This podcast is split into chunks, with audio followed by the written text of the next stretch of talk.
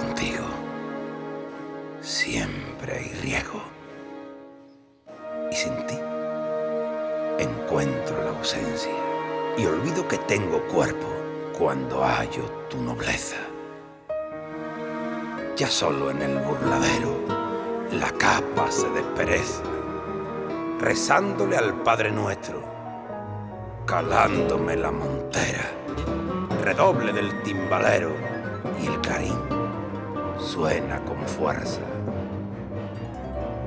Qué grande es ser un torero. Qué hermosa se hace la fiesta. La tarde se hizo silencio, silencio entre las barreras. El rey viste negro pelo.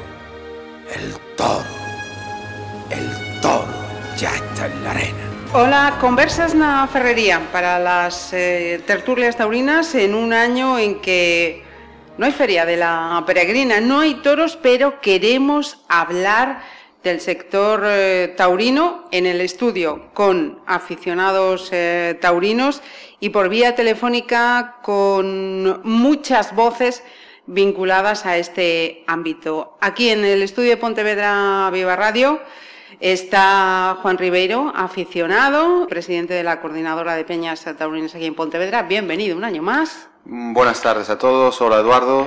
Hola Juan. ¿Qué tal? Raúl Fernández, creo que te... sí, ¿Por qué todos los años te cambio el apellido? No lo sé, no sé, a ver si un día acertamos, un año de estos acertamos.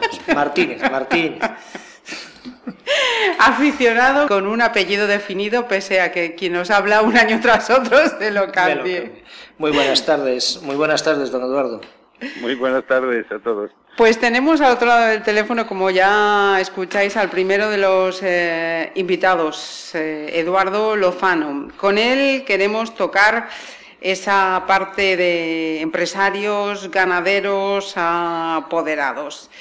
Eh, Eduardo, recuerdo que en el mes de abril mm, nos decía, nosotros a esperar, vamos a ver qué pasa en agosto, aunque mi intención es la de dar un festejo el domingo de la peregrina. Finalmente no ha sido así y le tengo que preguntar, ¿qué es lo que ha pasado para que finalmente se tomara esta decisión? Pues la decisión, yo estuve hablando con representantes del ayuntamiento y, y, estaban decididos a que se diera a que se diera el día de la peregrina, pero luego me dijeron las noticias de que Sanidad no autorizaba reuniones masivas. O sea que prácticamente no nos ha autorizado sanidad. Sanidad. Eh, sin embargo, eh, hay un número determinado de, espectadores para cubrir esta plaza. Le, le quiero preguntar, Eduardo, eh, y tendría to todos los argumentos para decirme sí, esto tiene que ser así. Eh, ¿Cuánto pesa en este tipo de decisiones eh, la cuestión económica? Pues mira, nosotros hasta un mes anterior a la peregrina, pues eh, estábamos un poco decididos a, poder dar única corrida el día de la peregrina, pero luego ya viendo todos los inconvenientes sanitarios que fueron saliendo, pues decidimos aplazarlo para pa, ya para el año que viene, si Dios quiere, uh -huh. ¿eh? porque no es que haya sido nosotros, es que es, es a nivel nacional, uh -huh. o sea que no, no autorizan en el 99% de, de, de, de, las plazas españolas. O sea que, una desgracia, una desgracia para la fiesta.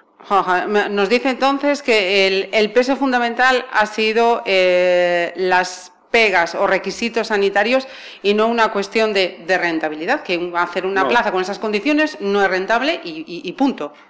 Pues no, ha sido cuestión de sanidad. Ya una vez que ya sanidad eh, ponía tantas pegas, pues decidimos de dejarlo ya para el año que viene y este año pues tener un año en blanco como el 98-99% de las plazas españolas. Porque esto, es- esto desgraciadamente ha sido una puñalada trasera para la fiesta porque que de un año sin toros a nivel nacional pues es francamente para la fiesta no le viene bien. Eh, Eduardo, ¿qué, qué duele más? ¿La parte eh, de empresario, la parte de ganadero, la parte de apoderado? Pues todo, todo. ¿eh? O sea, el que sufre más es la parte de ganadero, porque el empresario no da el festejo, pero de- puede perder o puede ganar, ¿no? Pero el ganadero es que pierde, ¿eh? porque el toro come todos los días y el toro si tenía eh, cinco años, cuatro años para cinco, pues lo tiene con cinco años y algo lo tiene que mandar a un matadero. Eh, yo creo que esta, este momento al ganadero es la sección más perjudicada. Chicos, ¿Qué tal, Eduardo? Soy Juan, de la coordinadora. Juan. ¿Qué tal? ¿Cómo Bien, ¿y estás? tú? Bien. Bien. Mira una cosilla, tengo aquí varias cuestiones de las peñas y... Oye, que veis esta semana por allí y espero veros. Bueno, pues ya sabes que Porque- nosotros encantados Porque, y- porque a- aunque no haya toros, el de la, la semana de la peregrina eh, hay Sí. que estar por Pontevedra, Bueno, pues te tomo, la, te tomo la palabra y a ver si conseguimos hacer alguna cosilla. Eh, te comento, aquí habíamos oído por distintos medios de comunicación, de prensa, em, que si tenías eh, autorizado el 50% o el 75% de la plaza, después que había solamente 800 sillas para poder eh, gestionar cada día. Eh, habíamos oído también algo de la posibilidad de que fueran televisadas. eh, de hecho, pues eh, teníamos muchas esperanzas y claro, las peñas entonces pues hubo ahí pues un desánimo, ¿no? Un poco general. Yo quería que me contaras un poco todo esto de, de- de los aforos permitidos, de, de si la tele tenía algo que ver también con, con todo esto o, o cómo, cómo lo habíais orientado, porque mm, eh, las peñas eh, que oyen este programa sí que necesitan pues un poquito más de, de aclaración No, o de... real- realmente Sí. lo que nos ha echado para atrás la, la corrida ha sido sanidad, ¿eh? que no podía, de que había que tener una distancia, tú ya me explicarás, eh, una distancia en una plaza de toros de metro y medio, ¿cómo, cómo es eso con las filas tan juntas? No, no, yo una- no lo entiendo, pero tampoco me puedo Es que- explicar es que las era- fotos es que, era- veo es que- de otras plazas. dificilísimo eso, Sí, ¿no? sí, sí, sí, no, no, no, pero si yo, yo entiendo, y es que además eh, Pero el momento es para más, extremar las precauciones. más, Pero, es que yo, te voy a decir más, Sí, sí. es que con, con la gente que yo estoy hablando, que no viene el caso en dar aquí nombres, es que me, me dijeron que de momento sanidad no permitía y que la empresa, si había un contagio o había algún, podría tener unas consecuencias hasta penales, responsabilidades, imagino, sí, ¿no? responsabilidades. Pero, y entonces, ¿cómo? Estas, yo, yo imagino que tú, igual que yo, Eduardo, pues habrás visto eh, fotos de otras plazas, no de primera, pero sí otras plazas donde se están celebrando. Sí, y la gente está pegada y la gente está unida y bueno, eh, sí, sí he visto todo el mundo con su mascarilla, lo cual me alegra, pero no he visto distancia, eh, bueno, lo- el metro y medio, los dos metros que exige sanidad. Pero no, es que no sé por qué unos... Dime, dime. La menta- las mentalidades de cada provincia en España son diferentes. Ya, pero las Digo- consecuencias digo, las mismas, mentalidades, eh. digo mentalidades mm, más bien de, de autoridades. ¿eh? Yo entiendo que aquí la asunta es un poco la que, la que obliga o la que marca un poco las pautas, ¿no? Como más Claro, o menos creo claro. que todos sabemos. Pero mm, no acabo de entender Yo- eh, yo- qué, qué yo de diferencia verdad, entre el virus de, yo de de Toledo verdad, o no el de Pontevedra. No yo sé de verdad, la idea que yo tenía era de dar una corrida, au- aunque fuera a precios mínimos, yo pensaba el día de la peregrina, porque en 40 años que llevamos ahí, a mí no me gustaba que el día de la peregrina no se dieran toros. Pues, a pesar del desempeño que yo he tenido, pues chicos, no, no, no, no hemos podido con ello. Bueno. Y eh, una, una cosa que quedaba en el aire, eh, Eduardo, y que lanzaba ah, Juan, ¿hubo alguna negociación para que se televisara después de tantos años? Una negociación para... para que se televisara ese posible festejo después de tantos años que, que no se televisa una corrida de Pontevedra. Pues sí, sí, estuvimos, estuvimos en y lo tomaron con interés. Lo que pasa es que cuando ya allí sanitariamente nos aconsejaron que no era conveniente reunión de, perso- de personas, Hubo que pues ya, echar- pues ya televisión, ya no le pasamos la petición, Ajá. pero posiblemente televisión sí tenía cierto interés en, en, en televisarla. Que ya les he dicho que, que bueno, que Firme, interés firme para el año. Exactamente, ese interés que lo guarden para el año que viene. Sería importante, ¿Eh? sí, importante. Raúl. Muy buenas tardes, don Eduardo. Hola, buenas tardes. Eh, nada, estoy totalmente de acuerdo con usted en que bueno, es un año muy complicado en general para la fiesta y en particular para, para los ganaderos, ¿no? Sí, particularmente los ganaderos son los que llevan la peor parte. Eh, la, pe- la peor parte económica, ¿no? Porque, bueno, después entramos en, en otros matices, es decir, esta es una ciudad, ¿qué le voy a decir a usted? ¿no? Esta es una ciudad en la que estamos intentando sobrevivir los aficionados a los toros y este año para nosotros ha sido un varapalo bastante grande, ¿no? Yo... Lo único que lo único que tenemos y perdona es que nos consuela que no somos solos. ¿eh? Que, que, que, que no es que este año no han dado toros en, en- no van a dar toros en muchísimas plazas que se han dado toros durante toda la vida. Sí, pero ¿eh? yo, yo ese viejo refrán castellano de mal de muchos, consuelo de tontos, Ya, ya, pues, pero- pero pues tampoco, tampoco es que a No mí, nos entiende. convence Ni, ni a ti ni a mí nos convence. Exactamente. Entonces sí creo que hay un, un problema en este país, eh, un problema sanitario. Eh, ha dicho antes Juan que el virus es el mismo aquí que en Toledo. Estoy de acuerdo, pero desde el punto de vista que administrativamente eh, las competencias en materia de sanidad están transferidas a las comunidades autónomas, pues entonces esto es un lío, ¿no? Yo te voy a, yo te voy a aclarar una cosa. Dígame. Yo hablé con los matadores y por los matadores no había ningún problema que se tenían que hacer un esfuerzo que lo haría. O sea, que por parte de los matadores teníamos eh, todas las facilidades. ¿eh? Y, y entonces, como iba a ser una corrida el día de la peregrina, pues eh, el ganadero íbamos, la corrida iba a ser nuestra, que no había ningún problema. O sea, que ha sido sanidad. No hay que echarle la culpa a otro. Tendremos que ir a vivir a Ronda, don Eduardo. Me tendría que ir a vivir a Ronda, a ver si tuvi- Pues debe, tuviéramos suerte. debe de, debe de estar más sana la sierra de, de Ronda. Entiende. A ver si tuviéramos la gran suerte de participar en una pesca. Bueno, ahí lo vamos a ver por la televisión Sí. también, de Ronda. Yo sí, sí tengo que hacer una, yo sí que tengo que hacer una salvedad. Yo el año pasado aquí también había dicho que creo que me preocupa muchísimo, como supongo que a usted, el tema de, de la fiesta, ¿no? Y yo creo que la fiesta pasa inexcusablemente en estos tiempos porque yo, siendo gallego, soy un gran aficionado a los toros porque cuando era pequeño veía los toros por la tele con mi abuelo. Yo creo que eso, hoy por hoy, si no sales en la televisión, lo he dicho muchísimas veces, parece que no existes. Sí, Entonces, sí, sí, yo creo que, que- que es fundamental impulsar la retransmisión de las corridas de toros a través de la televisión, bien sea un canal de pago, bien sea un canal de Hombre, hasta ahora, hasta ahora, eh, televisión se ha portado bastante bien, porque ha televisado 70, 80 corridas eh, todas las temporadas. ¿eh? Lo que yo sí, he- con esta oportunidad, lo que sí les he pedido a televisión, que, que, que nos tome en cuenta el, el número que van a televisar el año que viene y que apunte Pontevedra, porque el año que viene, si es normal el año, pues daremos como siempre las dos corridas de toros y una de ellas televisada. Pero esperemos que afortunadamente, sanitariamente, se vaya superando todos estos problemas. ¿Le puedo hacer una pregunta indiscreta? Si quiere me la contesta, si Eh, quiere la no. estamos puedes, leyendo. la puedes hacer la indiscreta y discreta. Pues le voy a hacer una pregunta indiscreta y, y- y- y espero que usted es una persona, una persona honesta, ¿eh? y espero que dé una Yo lo que respuesta también honesta. yo lo que te aseguro es que no te voy a molestar. o sea, No, me, no, no, eso- no, usted es una persona educada, usted no me va a molestar, se lo aseguro. Y espero que no le moleste mi pregunta. ¿Usted cuál es el futuro que tiene para la, la feria y para en Pontevedra? ¿Qué, fu- qué futuro, qué idea, qué plan tiene para, para la, Pues- la feria de la peregrina? Realmente, porque sí Pues, le digo eh, una cosa, eh, estoy preocupado por eso.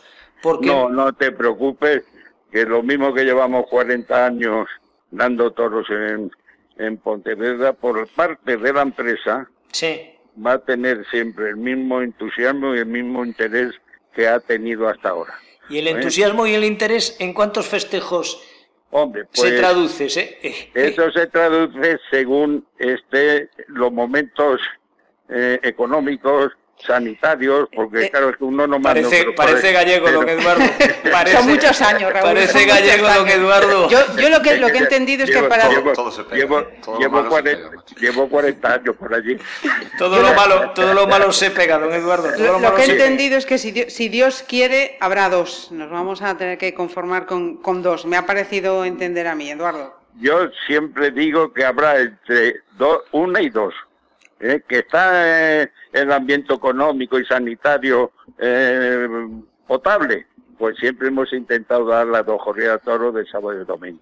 O sea, mínima, mínima, pase lo que pase, a no ser como este año, que no te lo prometía, el día de la peregrina, mientras seamos nosotros propietarios de la plaza, daremos toros. Uy, cruzaremos los dedos para que sean dos y, y- y no una. Yo pensaba que iba a alegrar que me iba a decir por lo menos dos y, y estamos hablando de uno o dos.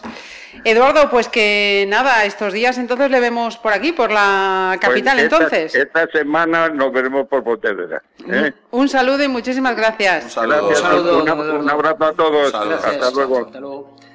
Torero, torero, de barrio y sencillo, no va el compás del costero, viene haciendo el paseillo. El incienso huele a lance de los Vázquez pintureros, de los Vázquez pintureros, que nos llevas a la mare y la campana es tu ruedo y de tu barrio a Sevilla, cuando va cruzando el puente, ya huele a Mini Nardo, llega el rey de los toreros. Bien, pues después de haber escuchado un testimonio del ámbito empresarial, eh, concretamente de la plaza de, de Pontevedra, Eduardo Lozano, nos vamos con los toreros. Y tenemos al teléfono a un maestro al que tengo que lamentar que la afición pontevedresa todavía no haya tenido ocasión de ver en el coso de San Roque. Diego Urdiales, muy buenas tardes. Hola, buenas tardes. Gracias lo primero por atendernos y... Un placer. ¿Cómo estás lo primero? Pues bien, bien, muy bien, afortunadamente, pues eh, sin ningún problema sobre la, la enfermedad y todo el, todo el virus este que nos que nos Que tiene nos a todos ha- tan preocupados, Efectivamente. pero pero bueno, pues de momento de momento bien.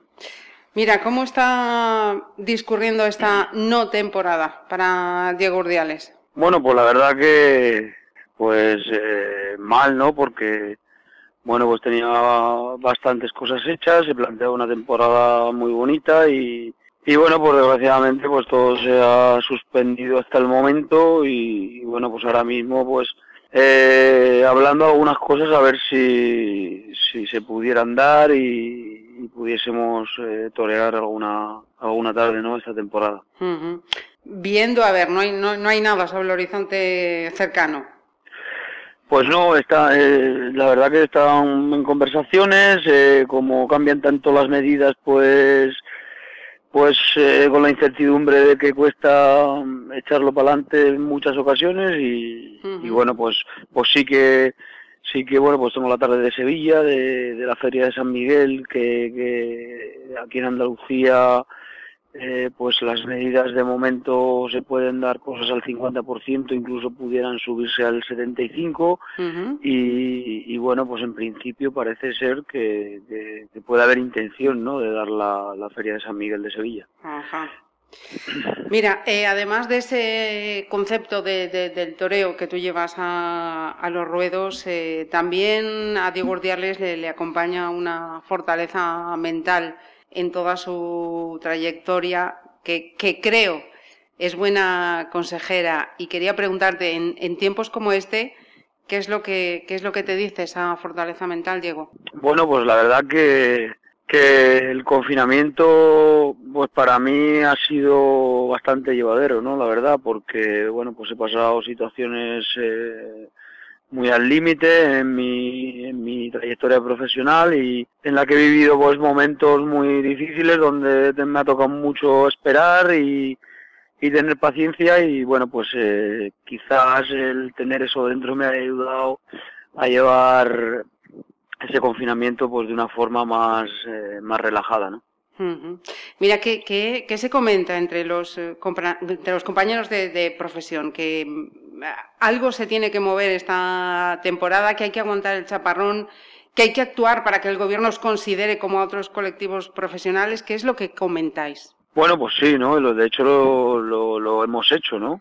Y, lo, y, lo, seguiremos haciendo, ¿no? Eh, hemos tenido varios movimientos y varias reivindicaciones, eh, por supuesto que de, forma pacífica, pero, pero pues tratando y quejándonos de, la injusticia tan grande que, que este gobierno ha hecho al mundo del toro, ¿no? Eh, ten en cuenta que, bueno pues hay unas ayudas que, que, se han destinado a todos los sectores en ámbito nacional y, el toreo pues, pues debe ser tratado de la misma manera, ¿no? Puesto que a la hora de, de, cumplir como ciudadanos, pues, pagar nuestros impuestos, pues lo hacemos todos de una forma muy muy seria, ¿no?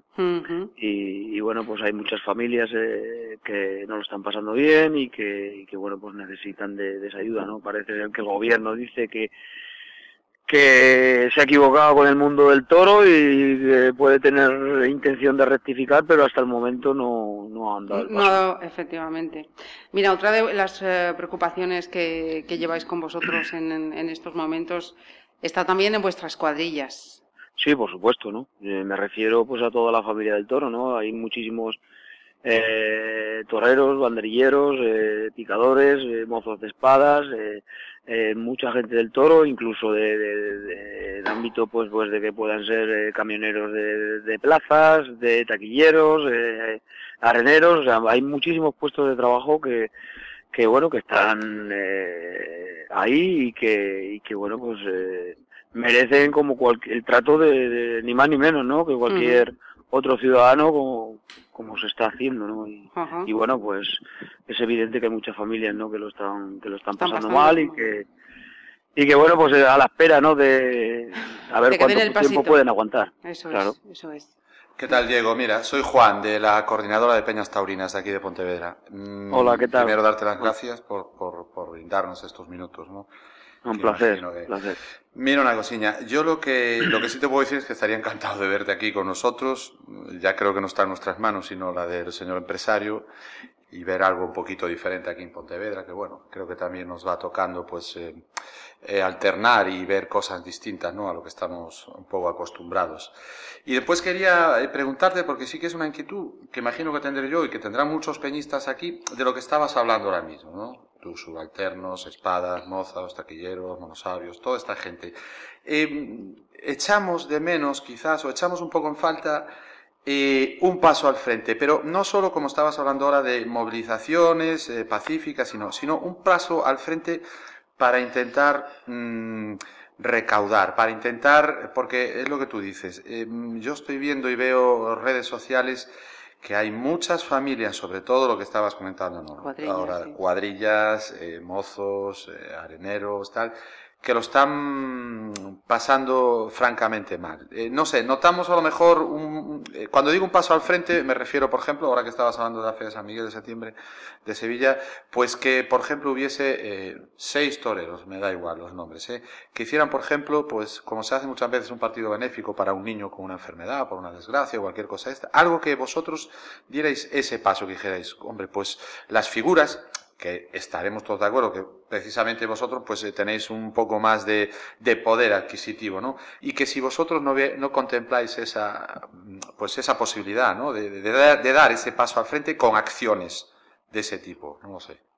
Bueno, bueno, pues eh, empezando por lo primero, estaría, por supuesto que yo estaría encantado de torear en esa feria y, y, de estar en Pontevedra porque, bueno, pues eh, siempre he visto imágenes y, o bueno, incluso en tiempos alguna corrida televisada, sí. eh, siento que es una afición eh, con, con, mucha pasión y mucha admiración hacia el toreo y hacia y, respeto te digo mucho y respeto, hacia el mundo del toro así es y, y, por supuesto que me encantaría que, que, me encantaría estar no pero bueno pues ya eso depende de, de la empresa que es la que organiza eh, los festejos. Y de las peñas, ¿eh, Diego? Aquí no, las peñas tenemos eh, bastante bueno, pues, peso, ¿eh?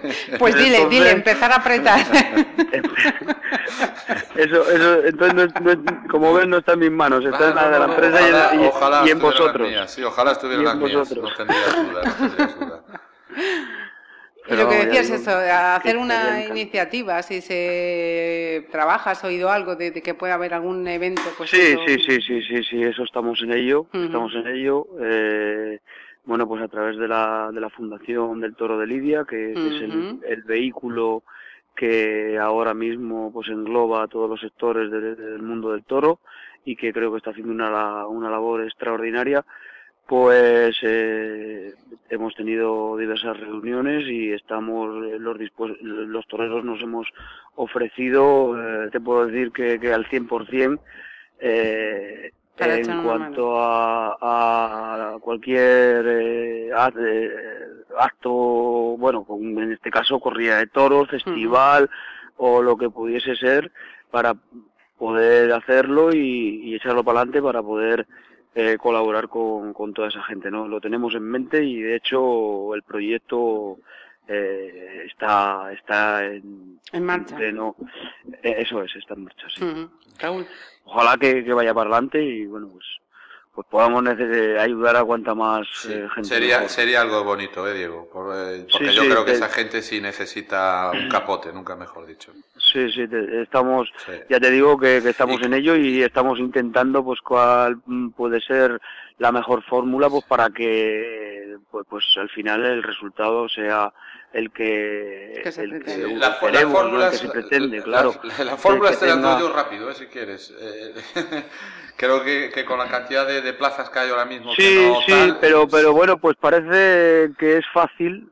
No, no, fácil no, es, no es fácil. No, te puedo asegurar, fácil, no, pero... no, te puedo asegurar que por nuestra parte uh -huh. eh, eh, está, yo... siendo, está, siendo lo más sencillo. Sí. O sea, ya te digo que nos hemos ofrecido eh, todos, mm, bueno, yo y, y, todos mis compañeros. Es que la afición lo demanda, además. Porque lo que todos... pasa que Claro, lo que pasa que luego pues es que hay eh, medidas sanitarias en sí, distintas sí, sí, eh, comunidades. Hay de, dependiendo de, de cada comunidad eh, las medidas que tenga.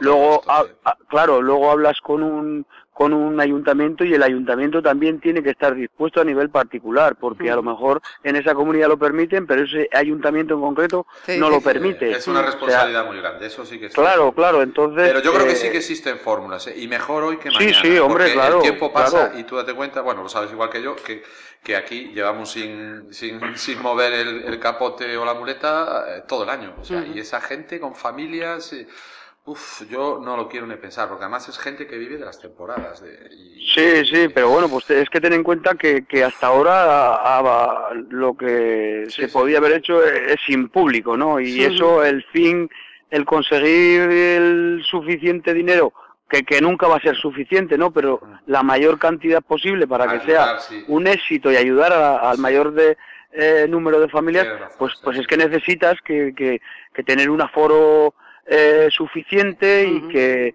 y que bueno pues eh, se puedan buscar algunas fórmulas para que para que los ingresos pues pues sean Cuanto más mejor y claro efectivamente. de... y ese es el problema no no es claro. no es el hacerlo es el hacerlo con la categoría que, que merecen y el respeto uh -huh. que merecen todas esas familias. Vale. Pues ojalá hoy mejor que mañana ¿eh? y muchas y muchas gracias Diego. Nada gracias. hombre. Raúl. Un placer. muy buenas tardes maestro. Soy Juan Martínez de la Peña Taurina Miuras de aquí de Pontevedra. Un saludo Hola, yo. ¿qué tal? yo sí que tuve la suerte de verle torear en Bilbao. ¿eh? Sí. Y bueno, eh, espero también, como Juan, verlo torear un día aquí en nuestra plaza de Pontevedra. ¿no? Ojalá, pues, ojalá. Ojalá, y ojalá muchas veces, porque eso significará que, que, seguimos teniendo feria en Pontevedra. Un poco reafirmar lo que ha dicho, lo que ha dicho Juan, ¿no? Eh, yo tengo la sensación eh, de que muchas veces siendo una cuadrilla que usted tiene su cuadrilla, tiene sus picadores, sus subalternos, sus banderilleros y son pues, su segunda familia, ¿no? y el, el mundo del toro a veces no damos un ejemplo de unidad, es decir, hay otros colectivos eh, no, no, estoy estigmatizando a nadie, pero por ejemplo, colectivo de cantantes, colectivo de actores, colectivo de no sé qué, de no sé cuánto, tardan 0,1 ¿eh? en ponerse todos en fila, en alinearse y en buscar en buscar soluciones al problema de, los, de, de, un colectivo. Aquí parece, o yo como aficionado, corríjame si me equivoco, tengo la sensación de que el ganadero a veces está, lógicamente, hombre, tiene un problema económico, ¿no? Porque, bueno, pues eh, las reses este año habrá que mandarlas muchas al matadero y tal.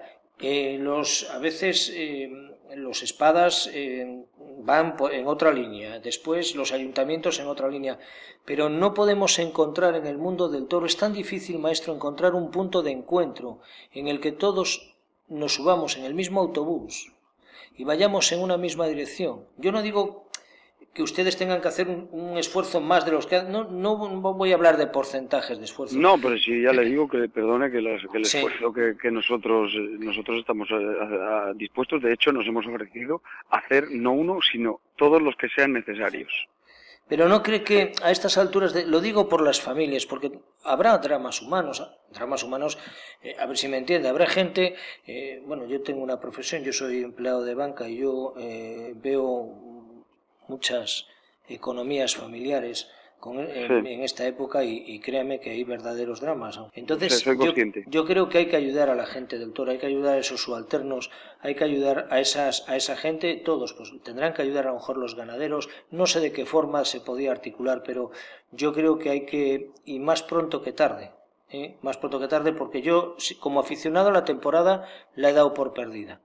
La he dado por perdida como aficionado eh, usted supongo que como matador pues también, pues oye, la ha dado como o perdida o, o semi perdida, pero esas familias no pueden esperar y esa gente no puede esperar. Entonces yo no le agradezco, o sea, eso, agradecería ya, ya, porque creo que es indispensable lo que ha dicho antes Juan, que se haga algo Sé que es difícil, sé que de, ten, tendríamos que hablar de una plaza, de un aforo grande, de las ventas. O de que muchas plazas se pusieran de acuerdo y facilitasen claro, esos festejos. No una sola, sino no, un día concreto, varias, muchas varias plazas. plazas pero, pero, Juan, ya tendría que tener un aforo. 3, sí, pero si en una mil, en otra tres mil, en otra cinco mil, en otra diez mil, claro, hacer pero, un precio un poco tal. Pero date cuenta una cosa: yo, yo para meter diez mil personas, ¿qué, ¿qué plaza necesitas? ¿Las ventas? ¿Qué más plazas hay? ¿Cómo se sí, bueno, sí, sí. Buscamos, buscamos, Diego, sol, soluciones, como, como verás, nos, nos preocupa. no, nos preocupa mucho. ¿eh? No, no es nada contra ti. ¿eh? No, no, para nada. No es nada contra ti. No, no, os lo permitiría tampoco, ¿eh? No, os lo permitiría ninguno es paisano de los tuyo, que, hombre, hombre. Es paisano tuyo.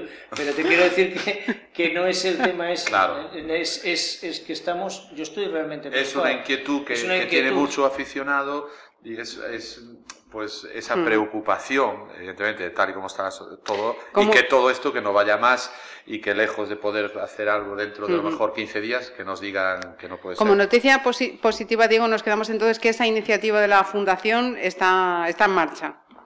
Sí, sí, por supuesto. Y además, eh, fíjate la sensación que tengo, porque bueno, pues soy partícipe de manera directa, uh -huh. eh, pues representando a los matadores, eh, os puedo asegurar que, que, que estamos, eh, las reuniones se hacen con, con, la Unión de Banderilleros, eh, con, con, ganaderos, con empresarios y estamos todos a través, como digo, eh, por primera vez eh, a través de la, de la, la Fundación, Fundación del Toro de Lidia, que, que, considero que es eh, el vehículo uh -huh. que nos está uniendo a todos y que bueno pues estamos, estamos intentando eh, buscar soluciones no eh, sabe, esto, son conscientes como digo todas la, las cuadrillas por, con sus representantes y, y, toda la familia del toro y, y ya te digo que están, estamos intentando buscar eh, pues, la fórmula para que para que bueno pues eh, lo que se haga que se haga pues co, como debe ser no con categoría uh -huh. y que y que bueno pues que el fin es ese, ese no pues que podamos conseguir y si se pueden hacer varios pues pues muchísimo mejor Genial. tenemos que ser Diego tenemos que ser los más solidarios los más fuertes y los que tengamos que coger el caballo o el toro, como se suele decir, y, de hecho, y, ser los primeros y hacer un montón de cosas que el tío dijo. Sí, bueno, no, pues pero, mira el mundo pero del toro, pues mira el mundo del te, toro, la solidaridad, a... todo esto. Dime, dime, perdón. Sí, sí, sí, sí, me encantaría, Mira, ¿eh? como aficionado eh, desde hace mucho sí, años. bueno, y... te voy a decir y voy a lanzar un, un, un, grito a favor de mis compañeros. Uh -huh. ¿eh?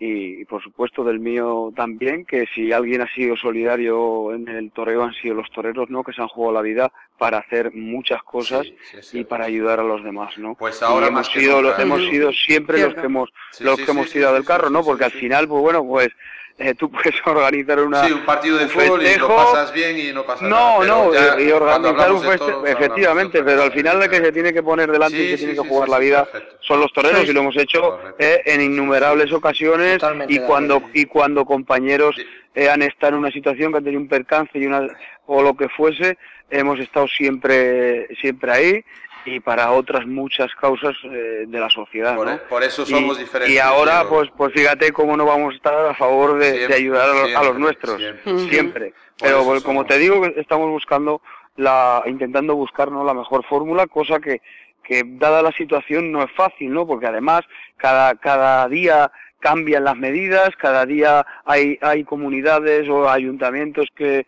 que a lo mejor nos han dicho que para adelante y de repente han echado para atrás porque pues bueno pues pues la- todo lo que todos sabemos no la, la, la pandemia la- eh, los brotes y, y a lo mejor pues bueno para ellos tampoco es fácil el, el tirar para adelante Claro, no y entonces pues pues Mm.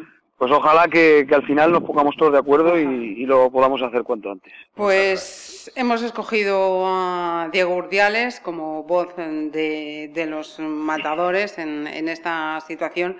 Diego, agradecerte de verdad, de corazón, muchísimas eh, gracias. Y, No, placer, y como, de- como dicen, aprovechando, me van a permitir los aquí presentes, eh, este año no, no va a ser, vamos a tener que esperar a otro año, como decimos los de Arnedo, a ver Sí. nuestra feria. Esperemos eh, que, que haya en otras eh, más suerte y que te podamos ver, por ejemplo, pues esa, que se, como decías, en, en San Miguel, en, en Sevilla. Es, eh, además es el día del- de nuestro patrón. Efectivamente. O sea, el día 27 de septiembre, que es el día de, de los santos de Arnedo. O sea que ojalá que, que vaya para adelante y pueda ser. Mucha suerte. Mucha suerte, maestro. Muchas, Y gracias, Diego. muchas gracias, muchísimas Diego. gracias, muchísimas gracias a ustedes y un placer y hasta cuando quieran. Un placer, sí. Sueña, torerillo, sueña. Sueña con el toro, viste verde y lloro, las tardes de feria. Sueña, torerillo, sueña, sueña, sueña. En el mundo del toro, no todos, eh, yo diría que una buena ma- mayoría viven fuera de, los focos mediáticos. Por vivir, viven fuera casi de, la agenda de, empresarios y gestores de, de plazas. Para ello es necesario tener eh, muchísima vocación y llevar el toreo dentro, además de, de una gran resilien- resiliencia, esa palabra que está tan de moda desde el mes de marzo, es decir, el, el aguantar echen lo que me echen, vamos. Así que vamos a seguir esta charla con, con una llamada telefónica a Soria, de donde es y donde se encuentra Rubén Sanz. Muy buenas tardes. Buenas tardes. Matador de toros que el año pasado, en diciembre, eh, cumplía su, su décimo aniversario de, alternativa. Maestro, eh, para ti, ¿qué, ¿en qué se diferencia esta, esta no temporada, vamos a llamarlo así si me lo permites, de otras anteriores? Para ti. Bueno, pues eh, por desgracia, como llevaba tres años que no, no habían contado conmigo para ninguna corrida de toros, pues ha cambiado poco, la verdad. En mí, en, en lo personal, ha cambiado poco porque estos años he toreado dos o tres festivales y, y entonces, ¿qué es lo que te mantiene como torero vivo, no? El que por lo menos torear esos festivales, pero te, te aportan poco profesionalmente. Y entonces, pues este año, fíjate, casi te digo que al revés, estoy toreando más en el campo de, de lo habitual. Pero es triste porque estás toreando en el campo sabiendo que si siempre es difícil que te llamen para una corrida de toros, pues ahora es prácticamente imposible. Tú eh, quería llamarte hoy en esta charla porque mm, quería eh, dejar constancia de esa eh, férrea disciplina que tenéis los matadores de toros y que contigo es, vamos, 10 eh, sobre 10. Con esos detalles que nos acabas de dar, Rubén, te voy a pedir, por favor, que nos, que nos cuentes cuáles son tus hábitos diarios ante un Porsia, por si acaso me llaman. Mm, bueno, en eso la verdad que me da igual la, la situación actual que tenemos, ¿no? Porque yo me sigo preparando igual porque, mira, cuando cuando hace cuatro años toré la corrida de toros de, Soria, que además fui uno de los triunfadores de la feria, y vi por, por las circunstancias que era difícil que me volvieran a poner, pese a triunfar, eh, he tenido claro que a mí eh, la, la, oportunidad me va a surgir cuando menos lo espere y donde menos lo espere. Entonces hay que estar preparado y, y vivir para la profesión todos los días igual, ¿no? Como si fueras a torear mañana. y, y, es lo que intento. Eh, todas las mañanas estoy en la plaza de toros de Soria tres o cuatro horas toreando de salón y la tarde la dedico al, al ejercicio físico y a la preparación física. Y es así un día tras otro. Pero bueno, eh, es porque me gusta, no, es lo que me hace sentir bien, lo que me hace sentir torero. Y fíjate que no veo casi a, gente ni a nada ni eso, pero estoy metido en, la profesión, en, intentar torear cada día mejor. Y, mira, este año estoy teniendo suerte y en el campo me estoy encontrando muy bien y, sintiendo el toreo y es lo que se puede hacer. Alguien que nos dice, pues eh, fijaros eh, lo, que nos está. Todo lo, contrario a, lo que, estábamos hablando, ¿no? Otros toreros que, que sí tienen importantes ingresos y que y que sobrellevan mejor, yo creo, un poco mejor esta, esta cuarentena, esta pandemia. Pero eh, no, este chico, claro, tres años sin torear, a, cualquier otro, vamos, yo me desmora, vamos, no vuelvo a coger los trastos en mi vida. Pero bueno, tiene todo su mérito, evidentemente, y animarlo porque también es mucho lo que dice él, ¿no? Cualquier momento puede saltarle la suerte y, que, bueno, como muchos otros antes que él, ¿no? te animo, te animo mucho, Rubén, en serio. Tiene mucho, tiene mucho, tienes mucho mérito porque si me dicen que llevas tres años sin torear, eh, preparando y tal, y bueno, no, sé si... Eh, lo, lleva muy dentro. Sí, no, no, pero, claro. te digo que, que el mérito no es mío, me refiero... Yo siento el toreo, no entiendo la vida sin torear y es que no queda otra. Ya, bueno, pero tendrás que tener otros ingresos, macho, porque es que si no, tres años sin, sin, sin torear eh, es complicado pues vivir, claro. Pues por a eso me refiero, el mérito que tienes, o sea, la dedicación eh, que tienes, por lo que me estás contando ahora aquí, que tienes una dedicación eh, plena y diaria, a no tener ingresos durante tres años. Si me dices que no toreas, pues claro, pues doble mérito. Se hace, complicado sobrevivir. Sí, sí, sí, sí. sí. Eh, Rubén, ¿tú eres eh, optimista o pesimista sobre los efectos que esta situación eh, sanitaria va a tener en el sector taurino? Hombre, yo, mm, mira, yo intento ser realista. No sé si eso es ser pesimista en la situación, porque la verdad es que cuando, cuando se complica todo, las cosas que son a nivel espectáculo y, y ocio, pues más difícil todavía, porque cuando va a haber la crisis cuando salgamos de, la crisis sanitaria y empecemos la crisis económica, va a estar complicado para todo el mundo y las cosas de ocio y espectáculos lo que peor nos va a ir. Encima añadimos que el, gobierno actual no es muy partidario de la fiesta taurina, pues más difícil todavía. Yo tengo confianza en una cosa, eh, que es lo que me está dando un poco rabia a veces de, de la situación. Yo creo que en el toreo la mayoría estamos porque lo sentimos porque no sabemos vivir sin ello y porque es nuestra vida. Y cuando un toro en vista y un torero sea capaz de cuajarlo, eso tiene mucha fuerza. Muy buenas tardes, maestro. Buenas tardes. Yo primero felicitarlo, ¿no? Felicitarlo porque yo creo que, que el toreo eh, no es una afición, el toreo es una vocación. Eh, Decía, yo soy morantista, decía Morante que te levantas torero y te acuestas torero. Y usted, eh, tengo claro que se levanta torero y se acuesta torero. ¿no? Eh, este mundo que es apasionante, que, que yo eh, soy aficionado desde que era chaval, pues creo que también es un mundo muy injusto, ¿no? porque yo creo que no es justo por, por el esfuerzo, por la dedicación, eh, que usted tiene, por ejemplo, que lleve tres años sin, tres años sin torear. ¿no? Me parece me parece una injusticia y sobre todo me parece una injusticia porque le voy a decir, eh, le, voy le va a hablar ahora al aficionado. Mire, eh, por la plaza de Pontevedra tenemos, parece ser que para el año que viene vamos a tener con un poco de suerte dos un festejo, según nos ha dicho el señor Lozano, pero yo llevo sin faltar a la plaza de toros de Pontevedra 34 años. Yo he visto aquí a José Tomás, he visto a Morante, he visto a los primeros del escalafón. Y le voy a decir una cosa, a mí me gusta ver gente nueva. A mí me gustaría verla a usted. No, le digo ahora para, para, bailarle las aguas, es que me gusta ver gente nueva. He visto muchísimas veces al Juli. Juan Ribeiro y yo, que somos asiduos a la plaza aquí, Enrique Ponce, lo habremos visto unas... ¿Cuántas, Juan? 25, 25 veces. por lo menos. 25 veces.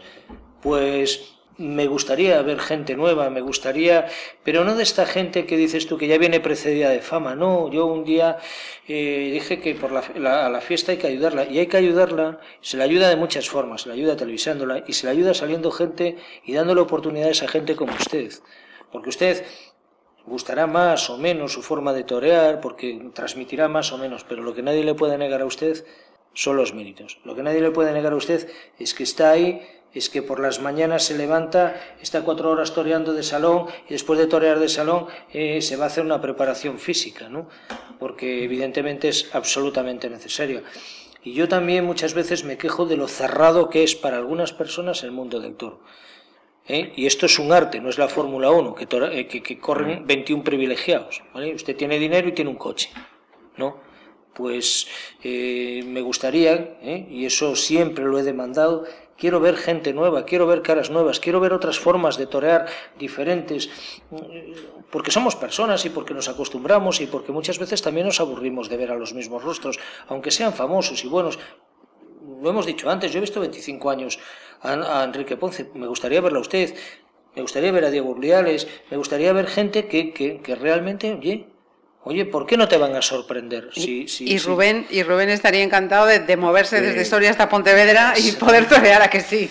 De una de las primeras corridas de toro, Rubén, que asistí en mi vida, eh, fue a Paco Ruiz Miguel en la plaza de toros del Burgo de Osma, que yo viví en el Burgo de Osma.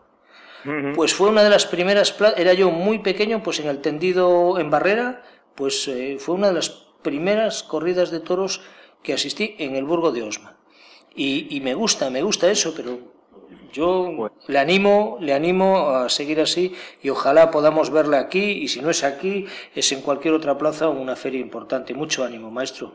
Muchísimas gracias y, bueno, decirle que, que injusto, injusto es el toreo, pero a veces, pero no solo por, por la preparación y eso, ¿no? Lo que me da rabia es que el último año que he toreado en el Burgo de Osma corté dos orejas y salía a hombros que el último día que toreaba en Soria tengo el trofeo a la feria más artística de la feria y que de golpe y porrazo te dejen fuera de, de todos los sitios cuando, cuando has triunfado y, y, no, no, lo comprendes bien. No, se comprende, Rubén, está fuera, La explicación a lo mejor está fuera del albero, Rubén. Y, y, luego... Está en un despacho. A lo mejor la explicación no está en el albero, ¿eh? ni, ni, en el, ni, en el, ni en el patio de cuadrillas, ni en el callejón. A lo mejor la explicación está en los despachos. Y luego es digo ¿eh? que, que, los ganaderos, a, veces, los empresarios, siempre que les llamas, eh, siempre te dicen, no te aburras, tienes muy buenas condiciones, mucha personalidad, pero no te aburras. Claro, para no aburrirte necesitas que alguien te abra las puertas. Mm. ojalá, ojalá, ojalá, te llegue esa oportunidad, Rubén. Eh, Rubén, yo me vas a permitir que, recomiende a los aficionados eh, de, Pontevedra que entren en tu perfil de Facebook.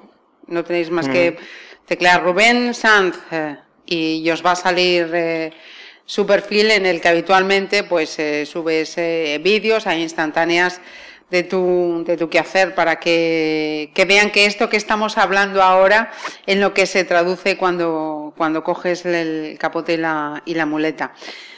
Rubén, eh, pues como decías al principio, eh, dentro de, esta tesitura, eh, que esa situación de, para mí al menos, está, está habiendo más cosas que, que siga así, que te lo mereces. Muchísimas gracias por, por acordaros por acordaros de mí, de un torero que torea poco y, bueno, que, espero que esa gente que, se meta y, vea fotos y esa forma de torear, pues a alguno le, le levante la curiosidad por verme torear. Ojalá que sí, un abrazo. Mucho ánimo. Igualmente, un abrazo. Mucho ánimo, maestro.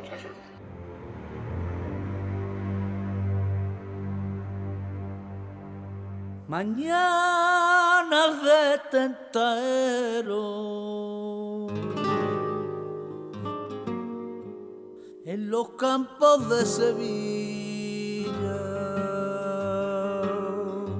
el chaparro, la calera, las colas y mirandilla, las colas y mirandilla, marisma de perecocha y el partido de resina. Llanura los arenales, ojuelos y la marguilla, ojuelos y la marguilla, y en la sierra sardinero la en la campiña. Seguimos hablando eh, con más eh, personas, profesiones vinculadas al desarrollo de los festejos taurinos. José Ignacio Salcedo, eh, habrá muchos entre los aficionados pontevedreses que, que, sepan quién es él, entre otras cosas. Presta el, el servicio de caballos. Buenas tardes, José. Muy buenas tardes. ¿Cómo va todo? Lo primero que hay que preguntarlo siempre en estos momentos. Pues bien, la tranquilidad que mandan los tiempos, pero bien. Mira, queríamos eh, preguntar eh, cómo es para mm, profesionales, cómo es tu caso, cómo es el día a día, cómo están siendo estos eh, meses de, no feria, cómo, hacéis para, para llevar el día a día. Pues bueno, es lo que viene a ser la rutina de los animales los animales necesitan atención diaria. Por otro lado, pues mm, disponemos de más tiempo porque al no haber servicios, pues no se estropea material. Entonces, pues, pues nada, hay más tiempo para dedicarse a ellos y preparando los animales nuevos y hay y tal. Y, por lo demás, pues tranquilidad. ¿Y, y, qué pasa?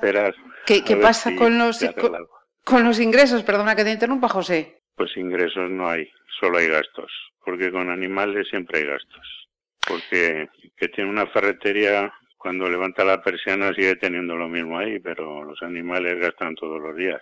Hemos tenido suerte de que el, el tiempo este año nos ha acompañado, la primavera ha sido buena, ha sido bueno el campo y, y bueno, pues hemos podido tener caballos en fincas y eso ganaderos que se han ofrecido y nos han tenido amigos los animales y bueno, todo ayuda. Pero mientras tanto viendo de recursos propios. ¿Cuánto tiempo se puede aguantar así, José? Pues cada vez menos.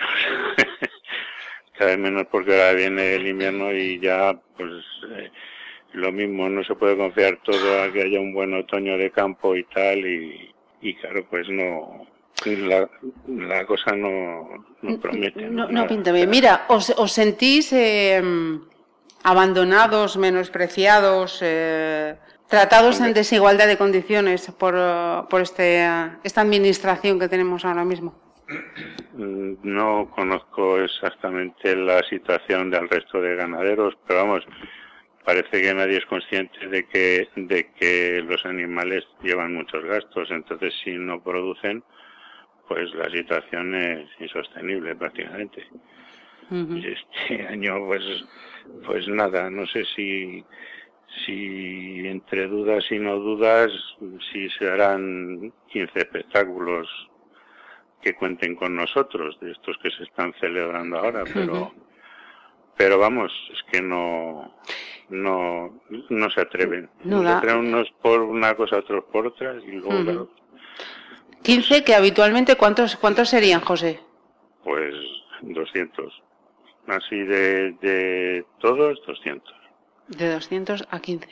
Juan, Raúl, no sé si tenéis algo que... Eh, eh, yo es que oigo, oigo mm, estas cosas y, y me pongo mal, porque mm, lo, lo, hablábamos antes. Para mí eh, la situación es grave, grave para todos, pero más grave todavía es para esta gente, estos subalternos, eh, caballos, eh, Personal alrededor de los festejos. Esto es lo que yo, lo que yo demandaba antes a Diego y lo mismo que, porque José, eh, soy Juan, em, ¿qué echas de menos? ¿Qué echas en falta? Em, ¿Qué te gustaría ver en una plaza de toros en referencia a vosotros? Quiero decir, que echas eh, ese paso al frente que a lo mejor tienen que dar las figuras, porque eh, todos somos conscientes de que la que gana aquí cuartos y cobra es la figura, y no creo que tenga muchos problemas, eh, alguno de ellos, o, la mayoría, en pasar un, un verano tranquilo en su palacete o en su rancho o lo que sea. Yo voy a vosotros, que es lo que me preocupa.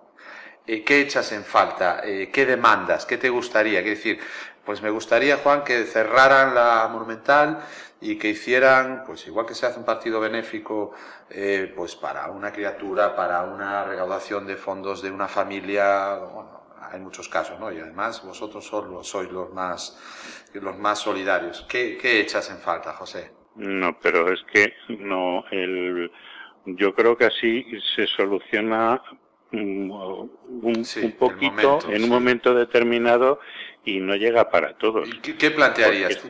Es que en esa situación hay, hay demasiada gente y, luego eso, el, hay sitios que no son viables, otros porque mm, necesitaban una subvención más o menos pequeña y no existe, y otras porque el político al cargo pues no, no da el paso. Sí, lo, hemos vivido aquí en Pontevedra, sí, lo sabes aquí en Pontevedra. Es que, es que eh, uno por prejuicio, otro porque dice, bueno, ahora a mí se me ocurre eh, decir que, que, sí y ahora hay gente afectada y, y el marrón se muere alguien, luego que ha sido por autorizar un festejo taurino que no está en su mejor momento y tal y entonces hay mucha gente que a lo mejor, pues de poner un poquito de voluntad, no ponerla, pues es que se pueda dar un espectáculo u otro. Entonces, lo de las figuras, mm, no sé si como los festivales de rock y eso es una cosa que luego no se venden discos y eso, o sea, mm. es es lo que se hace en el momento, y es lo que se recauda en el momento, luego ya no hay no hay más. Y, yo creo que... No echas en falta, José, ese, ese Sería un gesto, pero no... Bueno, pero, no la solución. No, no, no, pero bueno, es que la solución ahora, José, es muy difícil, porque esto cambia todos los días, y lo estamos viendo ayer... Para empezar, perdón, que fueran considerados estos colectivos profesionales que, como otros, que eso fue el motivo de, la última, si no recuerdo, manifestación. Sí, fundamental. Ese paso me parece fundamental. Pero eh, yo sigo echando en falta ese paso al frente de, los maestros. ¿Sabes? Es lo que dices tú. De los primeros que están ahí arriba, que son los que... Sí, sí, sí, sí, es lo que dice eh, José. Bueno, soluciona el problema en ese momento. Bueno, bienvenido sea. ¿Sería peor no hacer nada o sería peor no plantearse algún tipo de solución? Yo es que no... no... pero es que ahora mismo... Si, si eh, lo que sostiene esto son las taquillas de 700 espectáculos, por, por poner una cifra, eh, eso cómo se puede traducir con la gente que puede entrar y, lo que se puede hacer para luego mantener a toda la gente que vive de esto, que es su único ingreso, porque hay gente que tiene otro ingreso que probablemente también esté perjudicado, pero, pero bueno, de una manera u otra, pues sí, pero regularlo, regularlo de alguna manera, José. Antes lo decía mi compañero, eh, tú ves, eh, por ejemplo, los cantantes o los actores y tal, y van todos ahí a una. Y cuando hay problemas, eh, eh, tal, pues a lo mejor falta algo más aquí en este mundo tan profesional. Pero es que los toreros no somos palmeros de gobierno. Entonces, eh, nosotros, si alguien habla de nosotros es para hablar mal. Sí, pero no quita, no quita que se, se reconozcan vuestros derechos, porque aquí. Bueno, sí, una este cosa. Pero, pero bueno, que se reconozcan nuestros derechos, pero eso hace falta desde hace mucho tiempo, porque no los tenemos. o sea, no, no puede todo el mundo decir lo que sea y, y nadie dice nada. O sea, los únicos que protestamos somos nosotros, nadie protesta por nosotros.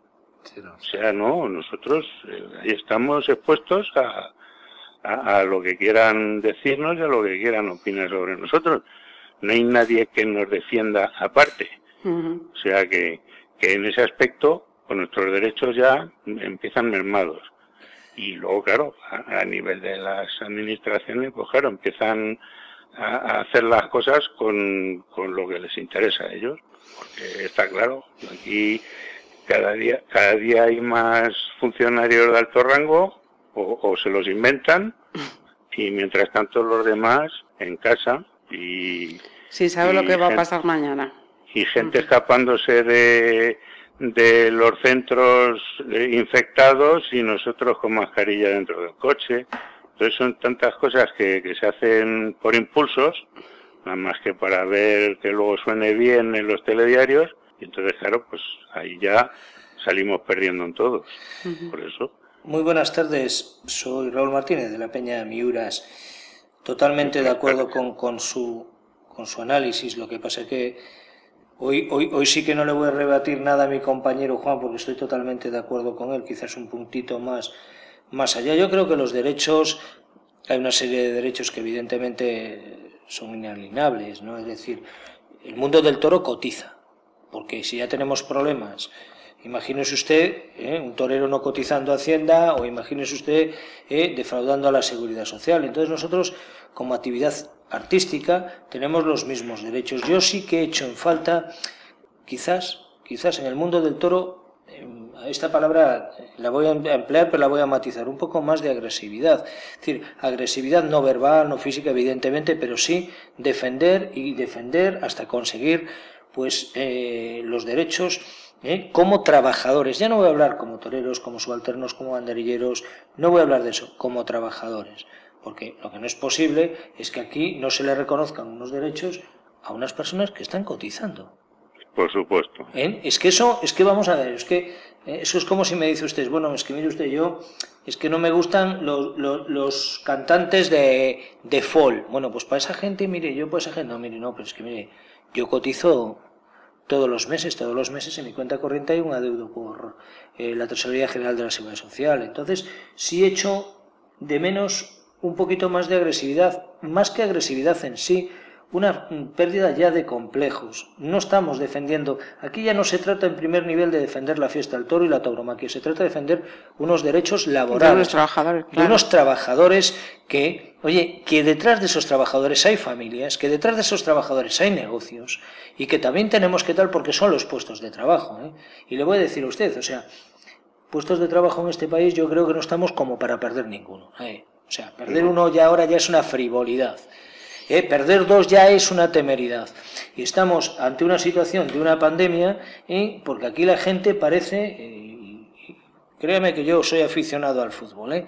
parece que aquí han abierto las terrazas, podemos tomarnos la caña en las terrazas, que es de agradecer, ¿eh? y podemos ver fútbol en televisión y aquí parece que ya no existen más problemas. Pues sí, hay un colectivo como el suyo que tiene sin reconocer unos derechos laborales. Entonces ahí tenemos que exigir, porque pagamos, porque si usted va a un restaurante y come y la comida no está en condiciones, usted exige porque paga. Bueno, pues ustedes han cotizado, han pagado, están al corriente de sus...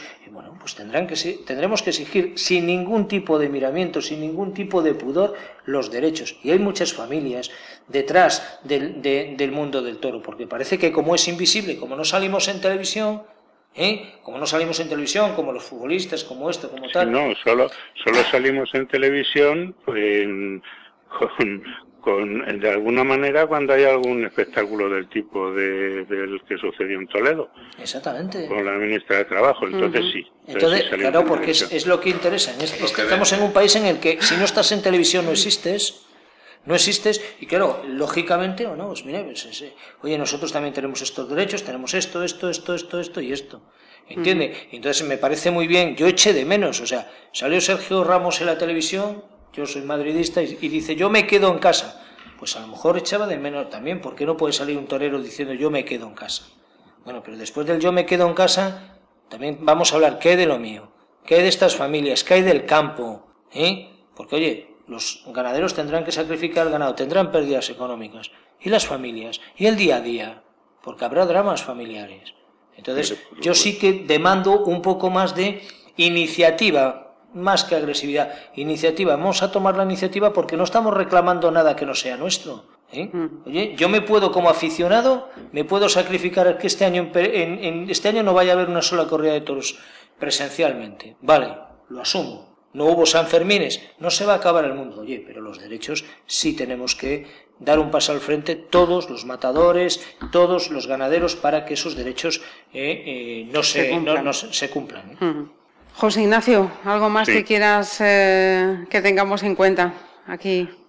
Hombre, yo felicitaros primero porque fíjate, si llevo años con esto y, y es la primera vez desde que está el tema este de la pandemia, que alguien se ha interesado por, por saber un poco el día a día de la gente. O sea, es que no, eh, ya digo, el único sitio. Alguna vez aparece una noticia de esas, pero por lo mismo, porque hay algún conflicto, o sale alguien diciendo su nueva vida, que sale haciéndose una foto con alguien. Sí. Pero, pero vamos, de, de esto, nada. No habla nadie. Pues sois parte fundamental. Sí. Que de eh, ayudas, mm, voy a contar mi caso por dos lados, porque yo tengo una parte en un negocio de hostelería y entonces, pues, eh, mi socio y su mujer, pues claro, que se cerró el negocio, estos meses y tal igual, y entonces él cobró el ERTE, pero ella todavía no lo ha cobrado. Y a nosotros la única gentileza que hemos tenido, bueno, el tema del ICO es una cosa que hay que devolver. Sí. Eh, los ERTES entraron no de los últimos, con la gente que trabaja con nosotros. Y luego, eso sí, que ya mm, conociendo cómo son, han tenido la gentileza de que el, el pago a cuenta del impuesto de sociedades del año que viene no nos lo han cobrado, porque como no va a haber actividad, pero bueno, conociéndoles, viendo lo que han hecho con los ayuntamientos, pues lo mismo también nos pedían dinero ya para el 22. Pero no, como de este año no va a haber, pues ya lo cogemos para el 22, a ver qué hacemos. Es, Pero bueno, es esa es triste la, única ayuda. Es, Pepe, es triste escuchar esto, ¿verdad? Que Pero es lo que hay, claro, sí. claro. Queríamos, queríamos también escuchar esto porque esto también es lo que está pasando. La realidad, es cierto. Mm. Sí, sí, no, si nosotros, vamos a ver, la gran suerte para los que tenemos ganado es, es la primavera que ha habido, que es que ha habido campo hasta hace mes y medio en muchos sitios, que eh, cereal se ha recogido muchísimo y que bueno, pues eh, los que tienen animales, pues, pues Os ha ayudado el alivio ha, sido tremendo. Si es un año de estos malos de forraje, de, de seco, de tormentas o algo, eso no se recoge grano, entonces ya la tragedia es completa. Porque claro, la diferencia es notable, porque con 60 animales, pues, pues claro, de, de- que te ayude la tierra a mantenerlos, a tener que hacerlo a pecho, pues es, es complicado. Casi nada. José Ignacio, muchísimas, eh, muchísimas gracias. Un abrazo y te vamos, te vamos a echar de con menos. Pepe. Un abrazo. Este, Un este abrazo. año- No me vais a echar de menos mucho, porque aunque no haya toros, yo pienso ir a Pontevedra Bueno, este pues año. estaremos encantados de recibirte. A oler la ría y a ver la plaza. Además, me consta que eres un amante de la ría, que te gustan mucho los paseos en barco, lo sé. Lo, dejamos, lo buena- dejamos ahí, José. fuente tienes. Eso sí, tengo muy buena fuente. Un abrazo grande. Igualmente, Un abrazo. muchas muchas, gracias. muchas gracias. Desde Cantimpla Blanque al Mencilla y Galisteo. Al Mencilla y Galisteo. Desde Cantimpla Blanque al Mencilla y Galisteo. Montoliu con Calderón. Chávez Flores y Romero. Chávez Flores y Romero, Luque Gago, Luis González, Herbito y Gabriel Moreno, el Tito de San Bernardo, Flor de los banderilleros. Temple de Manuel Carmona, burro puya trianero, burro puya trianero, y en la gloria Soto plata pura de torero. Pues eh, vamos ahora con el periodismo taurino, que también este 2020 está, está dejando sus secuelas. Alfredo Casas eh, Torcida es eh, periodista y crítico taurino.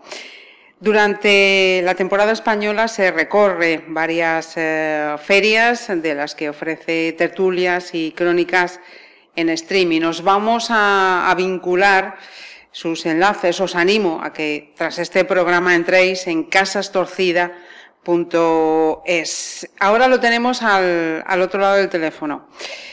Alfredo, eh, lo primero, gracias por atendernos. Hombre, no, muchísimas gracias a vosotros por acordaros de mí. Eh, mira, eres un periodista eh, que llama las cosas eh, por su nombre, por, por su nombre y con sus apellidos, además. Bueno, lo intento.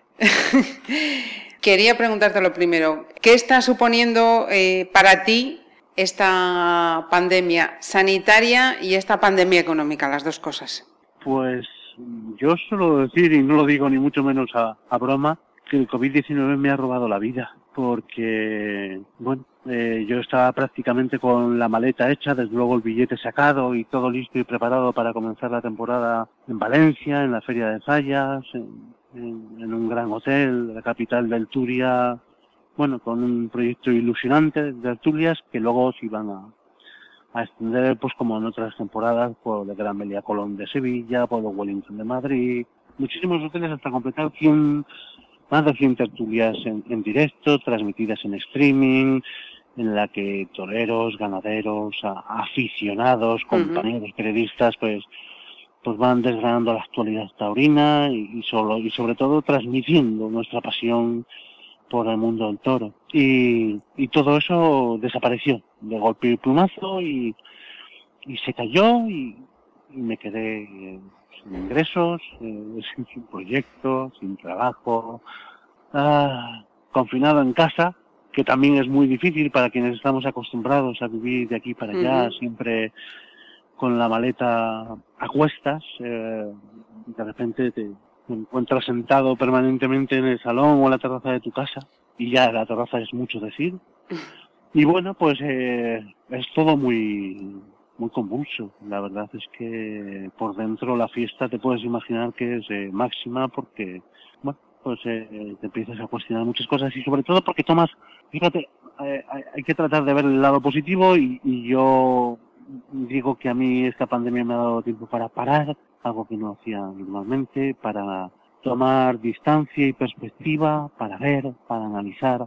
Y la verdad es que el resultado de todo ello es una enorme y grandísima preocupación porque, bueno, eh, en un momento determinante y crítico eh, para la fiesta de los toros, Hmm. yo te diría que para el conjunto de nuestra sociedad, para el país entero, incluso mm, podríamos ir más allá, pero bueno, vamos a, a quedarnos en nuestras fronteras, pues la fiesta de los toros y, o digamos que los sectores o los profesionales que confluyen en la supuesta industria de la tauromaquia no han dado los ni muchísimo menos.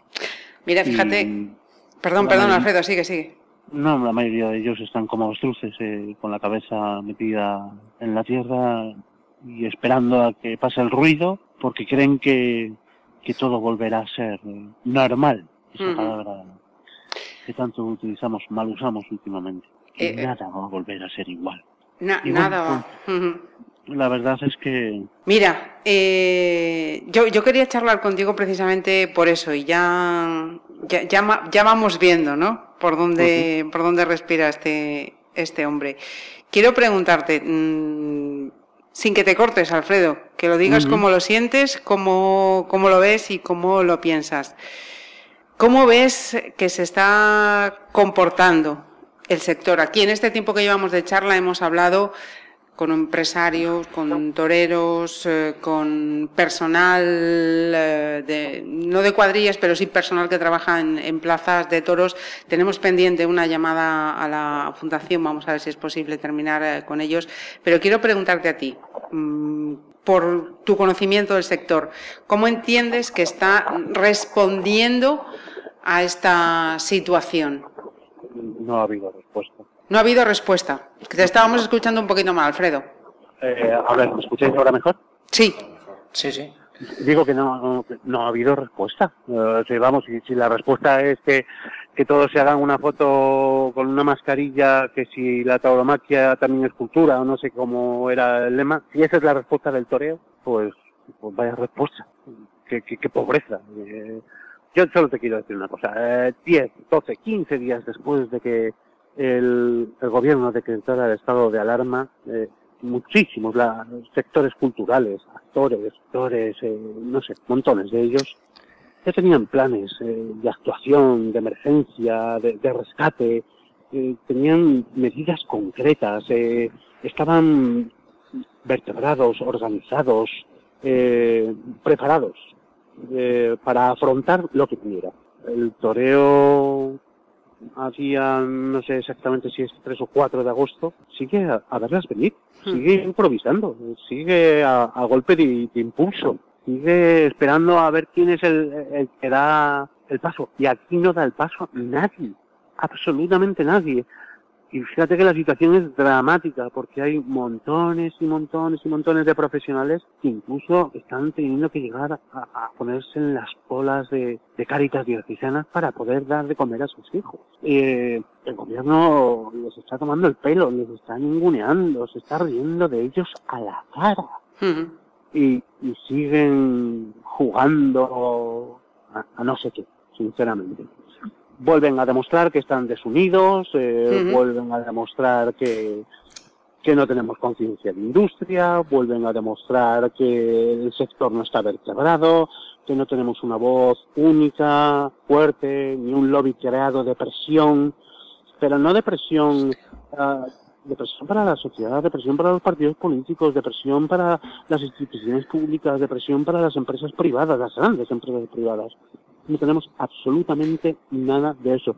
Y todavía no tenemos que conformar con ver unas patéticas imágenes de unos festejos que sin Ávila, que sin Huelva, a media plaza, todo el mundo con, con, su mascarilla, con una mm, supuesta normalidad que no es normalidad ni es nada y que es una auténtica mierda, que es como lo pienso, como lo siento. Y así lo digo. Y nada, pues que, sigan, que sigan porque siguen cavándose su propia eh, cosa. Y lo hacen ellos. no es culpa ni de Coletas, ni de Sánchez, ni de... No, no, no, no, no. Culpa de propios profesionales, de quienes se han enriquecido con el toreo, de quienes han amasado fortunas, de quienes afortunadamente han podido dar lo mejor a sus familias. Bueno, pues todos estos son ahora los que están de brazos cruzados esperándola y a verla venir. Eso es lo que digo. Tienes a los dos invitados eh, aplaudiendo con las orejas, no, lo siguiente. Se puede, se puede, decir más alto, pero no, más claro. Y eso es lo que venimos eh, eh, diciendo en esta tertulia con todos los invitados. Hace falta un pie al frente, hace falta, lo decía Raúl antes, más presión, más entre comillas, eh, violencia o alguna palabra más, mucho más... Mm, Contundencia. Eh, sí, vamos, vamos a, tal. Y, estamos viendo lo que dice, este, eh, lo que dice Alfredo, que, es que hay familias, lo, estaba diciendo hace un rato Pepe, Pepe Salcedo, los caballos, dice, menos mal que hemos tenido una primavera que hubo un montón de grano, de grano y un montón de, pasto, porque es que si no estábamos hundidos, como dice él, en la mierda, así de claro, y, y, aún menos mal. Entonces, esto es lo que, lo que yo, si yo como aficionado, 30 años yendo a la plaza como aficionado, lo noto y lo siento, este hombre, Alfredo, que está metido dentro y sabe lo que se cuece y lo que hace, me dice lo mismo que yo pienso, pues... Eh, es más, eh, os voy a decir una cosa, no sé si disponemos de tiempo para Sí, sí, sí, Alfredo. Pero mira, eh, yo te voy a decir una cosa, la vida, una pandemia, desgraciadamente la enfermedad y la muerte, le ha dado a la automaquia una oportunidad única, un paréntesis y un tiempo que no tenía para tratar de reestructurar un sector que solo permitía ganar dinero a unos pocos. El resto, y eso es como la mojama. Esto ha dejado, las corridas de todos han dejado de ser negocio hace muchísimo tiempo. Digo negocio para todos, que es cuando los negocios son negocios. Esto solo es negocio para unos poquitos y son siempre los mismos. Era el momento perfecto para sentar a los representantes de todos los sectores y decir, vamos a reinventarnos, vamos a, volver a vertebrar, a, volver a crear este espectáculo de forma que, primero, la sociedad nos atienda, seamos atractivos, pero que es que además, que todos ganemos, que es la mejor manera de que todos pongamos interés, de que todos trabajemos, de que todos vayamos a una. No lo hemos hecho, no lo hemos hecho. Y seguimos exactamente igual. y, y así hasta que hasta que esto se acabe, pero se va a acabar por, por, nosotros mismos, porque vamos perdiendo plazas, porque vamos perdiendo localidades, porque vamos perdiendo números de festejos, y nos da igual, seguimos para adelante, seguimos para adelante, seguimos para adelante. Eh, y, y volvíamos a empezar otra temporada y lo volvíamos a hacer en las mismas condiciones, sabiendo todos que esta, siendo la fiesta más grande del mundo, está total y completamente enferma, enferma y herida gravemente herida, con el pulso muy débil, muy tenue. Bueno, pues hemos tenido la oportunidad de, venga, vamos a coger al enfermo, vamos a, hacer una revisión entera, vamos a meterlo de mano, vamos a... Nada. Nada. Hemos hecho absolutamente nada. Y me da mucha pena. Me da mucha pena porque al final, esto, al final sigue adelante por los de siempre, por los aficionados. Que son, o sea, no solo les pedimos el enorme esfuerzo de en tiempos como el 2007, 2008, 2009, que fueron años durísimos, que siguieran rascándose el bosquillo, que siguieran manteniendo vivo este espectáculo. Cuando eh, llegó la, la, las ILPs antitaurinas, quienes sacaron adelante Si el toreo hoy en día es bien de interés inmaterial en España, es gracias a los aficionados. No es gracias a los ganaderos, no es gracias a los figuros del toreo, no es gracias a los toreros, no es gracias a los empresarios. No, no, no. Es gracias a los, a los aficionados. Y siempre es igual. Y ahora, aquí todo el mundo sentado porque siguen esperando que los aficionados, después de todo esto, cuando pase todo esto, si termina de pasar alguna vez, el aficionado vuelva a pasar por taquilla, vuelva a arrancarse el bolsillo, vuelva a pagar 90 euros por un espectáculo que la mayoría de las veces está mutilado y degradado. Y lo que no saben los profesionales del toreo es que cuando todo esto pase, a los aficionados lo único que les va a importar es cómo poner un plato de lentejas delante de sus hijos, o cómo poder pagar el colegio de sus hijos, o cómo poder pagarles la sanidad de sus hijos. Y después, mucho después, casi al final, se preocuparán del ocio y se ocuparán de los toros. O sea que o se ponen las pilas o se nos va el enfermo. Raúl. Alfredo, muy buenas tardes. Soy Raúl Martínez. Totalmente de acuerdo contigo. Yo siempre he sido en estas tertulias eh, que tenemos que agradecer a, esta casa y a, Marisa. Siempre he sido muy duro y muy crítico porque yo desde hace años, eh, años he venido defendiendo que que lo que, más allá de que un torero esté mejor, peor, que tenga una buena tarde, una mala tarde, que el ganado esté mejor o peor, hay que defender la fiesta, ¿no? Yo siempre he dicho que tenemos que empezar a perder los complejos, todos, absolutamente todos. Yo como aficionado ya lo perdí hace muchísimo tiempo, ¿eh? muchísimo tiempo. Yo fui una vez a la plaza con mi padre a la plaza le escupieron ¿eh? los antitaurinos y parece que encima no, pues no, pues mira, acudí a la Policía Nacional y denuncié a la persona. ¿eh? Tenemos que perder los complejos, tenemos que defender la fiesta. Em, hay una cosa que sí es común en todos los espectáculos. Los espectáculos que dan dinero se mantienen, se mantienen. Y cuando, como tú bien has dicho antes, cuando un negocio es negocio para todos, todo el mundo contento y todo el mundo se mantiene. Pero aquí, ¿qué estamos esperando? ¿Qué tipo de complejo tenemos? Es que aquí hay gente, hay profesionales que tienen unas cotizaciones, tanto Hacienda, en, RPF, en retenciones, como la Seguridad Social, que no están ni siquiera defendiendo sus derechos. ¿Qué estamos esperando? Es lo que has dicho tú. Es decir, es que aquí hay colectivos de actores, de actores, de esto, de futbolistas, de no sé qué, de no sé cuánto. Aquí, aquí no hubo fútbol y hubo un drama, pero un tremendo drama. Parece que aquí... íbamos a morir todos. Íbamos a morir todos. A ver cuándo se reanuda la liga. Es que con fútbol, sí, con espectadores, sin espectadores, es igual por televisión. En un país en el que he dicho muchísimas veces delante de estos micrófonos que estamos en un país en el que si no sales en televisión no existes. Como espectáculo. En que si no sales en televisión no existes. tenemos que luchar por ahí. Tenemos que. Yo me hice aficionado viendo a toros con, toros con mi abuelo en la primera cadena de la televisión de este país. Tenemos que luchar por ganar una cuota de pantalla con todos los respetos, y seguramente me pondrán a parir, hemos asistido en el último año, año y medio, dos años, a una promoción desorbitada, por ejemplo, del fútbol femenino. Y hemos visto estadios llenos de fútbol femenino. Y fíjate que es aburrido, ¿eh?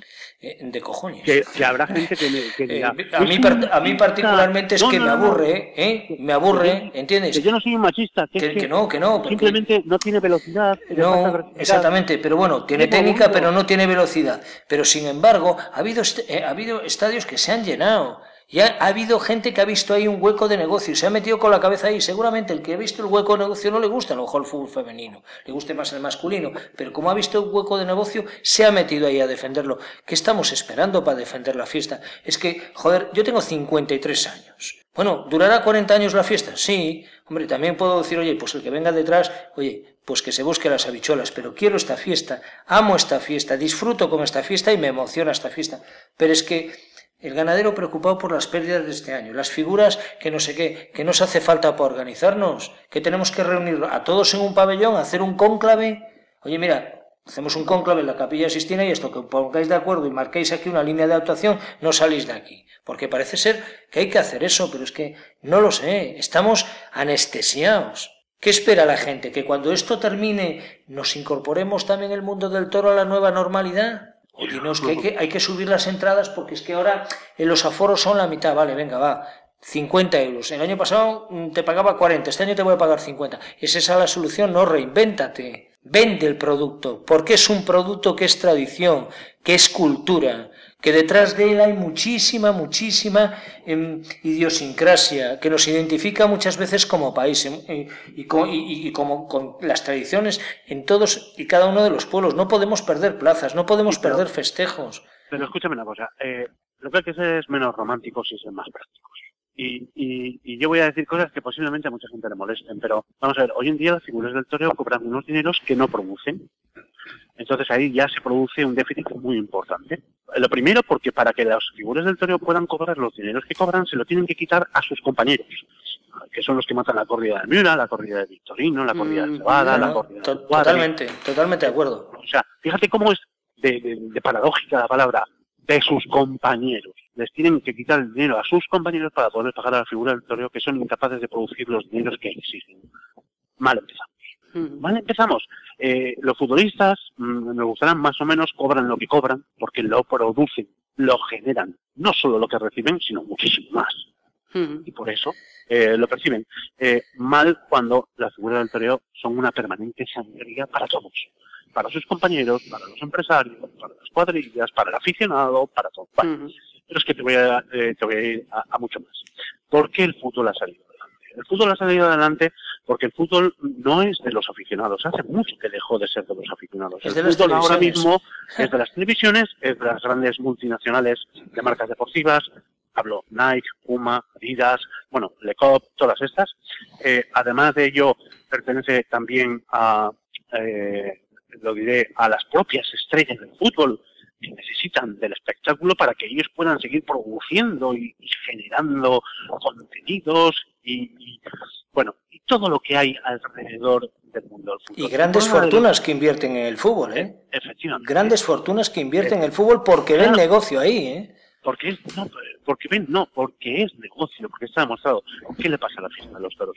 El problema de la fiesta de los toros es que es incapaz de generar ingresos atípicos o ingresos extraordinarios. Es decir, más allá de la taquilla, los ingresos se circunscriben a los bares y a las almohadillas.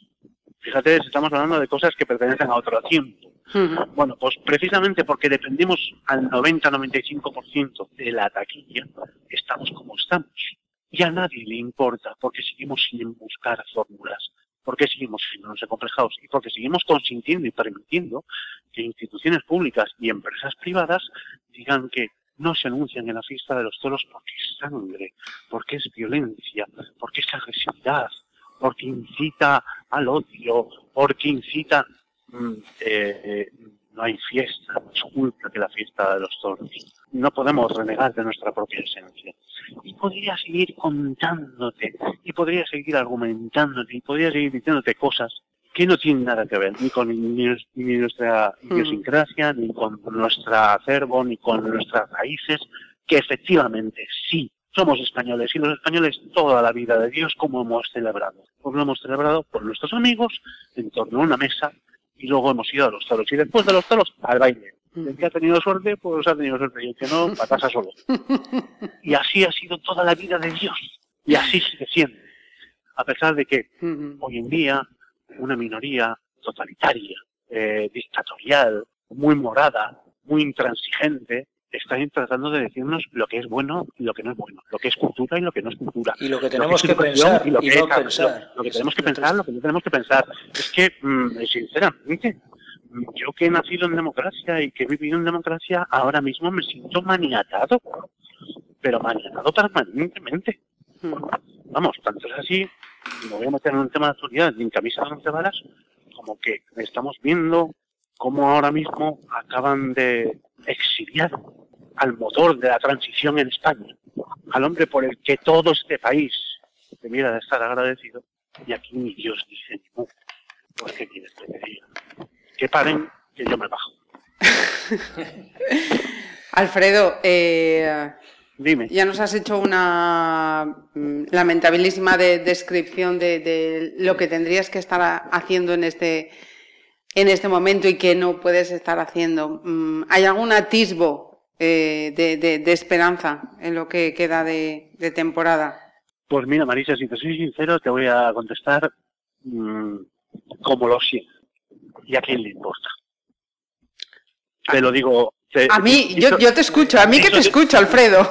Dicho de y a los aficionados, Alfredo. Acabo de leer que hay otros mil, casi 1.200 nuevos contagiados. Eh, ya hemos traspasado la barrera de los 300.000 españoles contagiados. Eh, no sabemos el número de muertos, pero todos estimamos que estará por encima de los 45.000. Estamos hablando, eh, es que no hay motivo para celebrar porque fíjate cómo es el lenguaje. Se celebran corridas de toros. Ahora mismo no hay nada que celebrar. Ahora mismo lo que tenemos que hacer es tratar de reconstruir el país, porque mm, estamos por encima de los cuatro millones de parados, pero ojo, entre ERTES y ERES habrá otros cuatro millones y medio. Antes de diciembre me gustaría saber cuántos van a ser parados de verdad en España, cuántos pequeños negocios y pymes se van a cerrar en España. ¿De verdad pensáis que ahora mismo nos tenemos que preocupar por si se van a celebrar o no se van a celebrar corridas de toros en esta supuesta normalidad. A mí no me interesan las corridas de toros ahora. A mí me interesa sacar adelante nuestro país. Y después, cuando tengamos motivos para celebrar, entonces sí. Y te lo voy a decir más claro. Y voy a ser todavía más antipático. Si yo fuese empresario taurino, hoy en día ni se me ocurriría, bajo ningún concepto, organizar una corrida de toros. Impensable tal y como piensan las figuras del toreo, con las pretensiones económicas que tienen, tal y cual es la situación eh, ahora mismo del país, la cantidad de restricciones que ponen desde las instituciones para celebrar espectáculos de masas, entre comillas, lo de masas, vamos, yo ahora mismo lo único que hago es sentarme y decir, bueno, vamos a ver cómo podemos eh, prepararnos de cara al futuro. Cuando todo esto pase, ¿cuál es la mejor oferta que yo voy a poder ofrecer a la gente? Eh, ¿Cómo vamos a conseguir sacar adelante una nueva generación de toreros? Porque seguimos viendo todos los días a los mismos que hace 25 o 30. 30 años, ¿eh? Vamos, eh, eh, hay uno que lleva 30 años de alternativa que está más de moda ahora que, que ninguno. Sí. Ya, ya, ya sé por qué te ríes. ya sé por qué te ríes.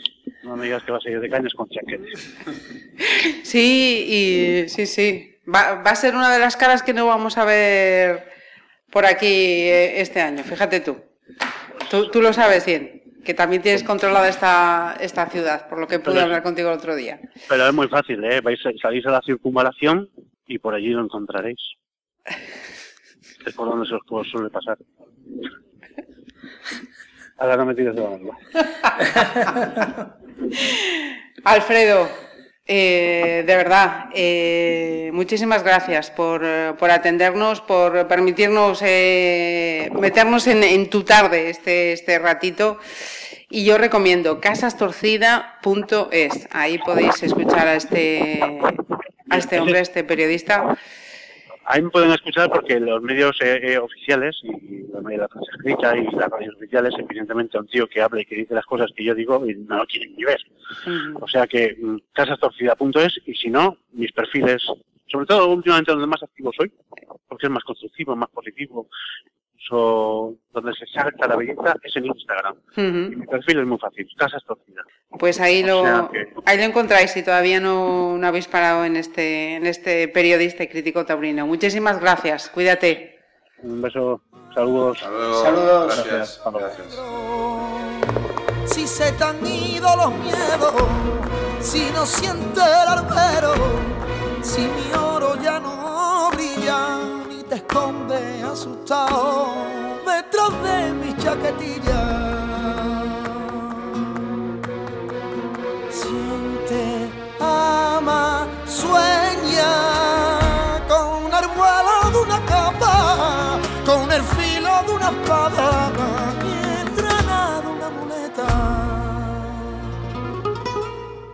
Bien, pues vamos a terminar esta charla a infinidad de, bandas con una entidad que aúna a varios profesionales y actividades de este sector, así como aficionados, se le ha mencionado durante este tiempo que llevamos hablando, la Fundación del Toro de Lidia y su portavoz que ya en, en anteriores ediciones también nos acompañó en estos micrófonos. Buenas tardes, Chapo Paulaza. Hola, buenas tardes. ¿Qué tal? Encantado de saludaros. Eh, lo primero, ¿cómo estamos? Que hay que preguntarlo siempre en esta situación. Pues bien para lo que se despacha. o sea que bien, no, no, no nos podemos quejar, gracias a Dios. Mira, venimos de escuchar a un periodista y crítico taurino, Alfredo Casas, eh, que tiene por costumbre llamar a las cosas también a su nombre. Eh, yo te quería preguntar, vosotros desde la Fundación, ¿cómo estáis eh, chequeando esta situación en la que, en la que estamos viviendo? Pues, pues la verdad es que con, con mucha preocupación desde el principio. Ha sido un golpe terrible. Eh, en la COVID para la tauromaquia ha sido un golpe enorme, igual que para otros sectores ¿eh? de, la, de la sociedad, especialmente para la tauromaquia por varias razones. Una por eh, porque ataca atacado en los meses más eh, fértiles de, de, la temporada y eso ha afectado muchísimo a la gente de a, la, a los profesionales taurinos porque también ha afectado a los ganaderos y los ganaderos, el ganado de Lidia no es como una ganadería de, de, carne habitual, con lo cual es muy difícil. Eh, hay muchos animales que viven gracias a que el toro muere en la plaza, entonces los ganaderos se han visto en una situación terrible y en general y en general por estas cuestiones, también por, por la propia dinámica del sector al que pues también le cuesta le está costando arrancar eh, como a otros sectores también. ¿eh? Y también un poco porque desde algunos eh, estamentos, pues parece que la, reconstrucción del país no se trata de reconstruir, sino de destruir algunas cosas y, construir un país como el que ellos quieren, ¿no? Y no reconstruirlo como estaba. Y hemos visto pues que es doble o triplemente doloroso el asunto del, del Ministerio de Trabajo, la trampa que le están haciendo a los profesionales del toro negándoles la ayuda por cese de actividad como profesionales de espectáculos públicos, que es lo que son, lo dice el Ministerio de Trabajo de, de Cultura, y bueno, pues no lo están haciendo por criterios Hemos tenido el testimonio de, una persona directamente comentándonos esa, esa cuestión. Chapu, eh, nos queda eh, poquito tiempo, disculpa que, andemos así de, apurados, pero para vosotros desde la Fundación, ¿dónde eh, veis ahora mismo las urgencias que, requiere el sector? ¿Por dónde hay que empezar a, a abrir e intervenir, pero ya? Ahora mismo la parte prioritaria ahora mismo, mismo, mismo, es la supervivencia de las familias del toro. Es decir, que de una vez por todas reciban las ayudas que necesitan. Hay gente, como habéis dicho, que está en una situación eh, límite. Luego, la fundación entiende, el equipo directivo, el patronato y el, y el, y el presidente Victorino Martín, que, que una de las, uno de los talones de Aquiles de la tauromaquia es la parte más baja. Son las plazas pequeñas donde se ha diezmado por intereses políticos, porque el sistema empresarial que ha funcionado muy bien en otros ámbitos y en otras dimensiones no ha funcionado tan bien, y, recuperar y cambiar fórmulas y buscar fórmulas para plazas pequeñas y novilladas, donde pueda seguir adelante la maquinaria fantástica humana del, de los novilleros que mañana serán figuras, y es donde se une, donde conecta la toma de tierra de toda la tauromaquia con el pueblo.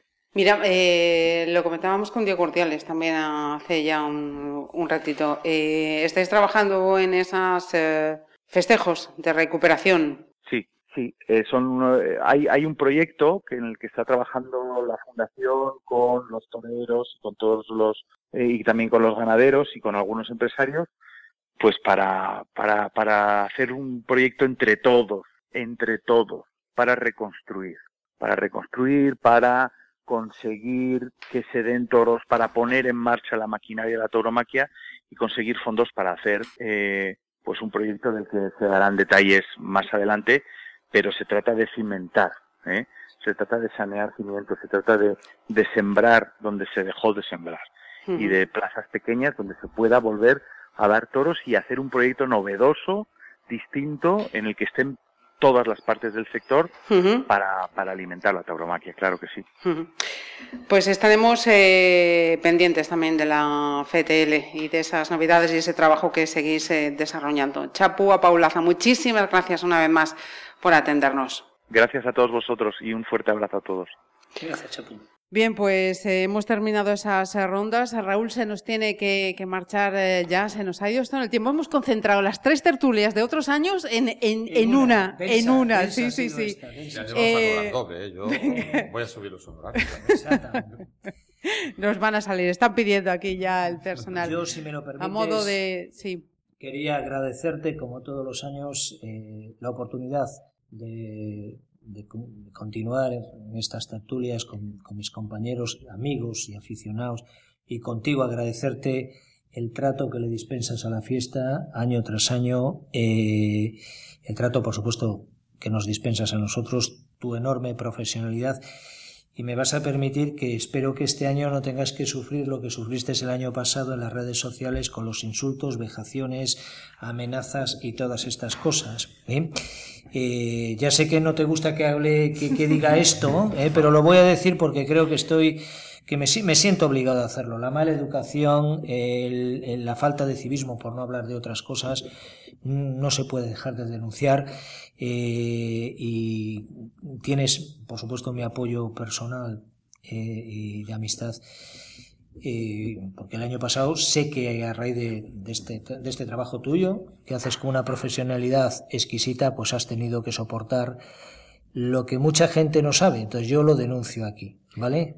Mucho ánimo, gracias por todo y Gracias. Y es, un placer. Gracias A, vosotros, eh, porque siempre que os llamo año tras año, la primera palabra es sí.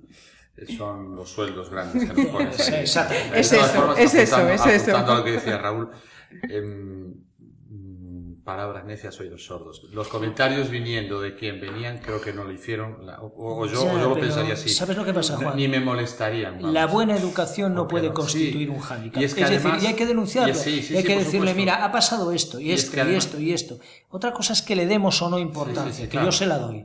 ¿Vale? Pero no sé. Chicos, eh, eh, muy, muy rápido, que sé que te, que te, tienes que marchar. Terminamos esta charla eh, con optimismo o con pesimismo.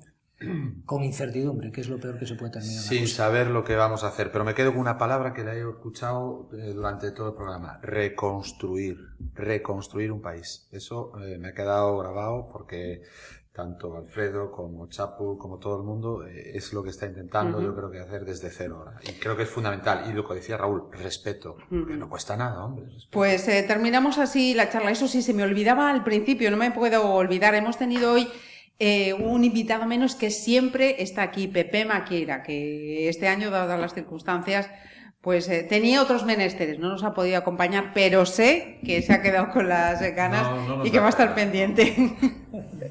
Muchísimas gracias. Gracias, gracias. a vosotros. Para ese que pretende que la fiesta se acabara que la fiesta se acabara para ese que pretende que la fiesta se acabara y que al animal defiende solamente con palabras. Solamente con palabras crecerían de las de esas si no basta la bravura seguro se nos cría a esta raza noble y pura.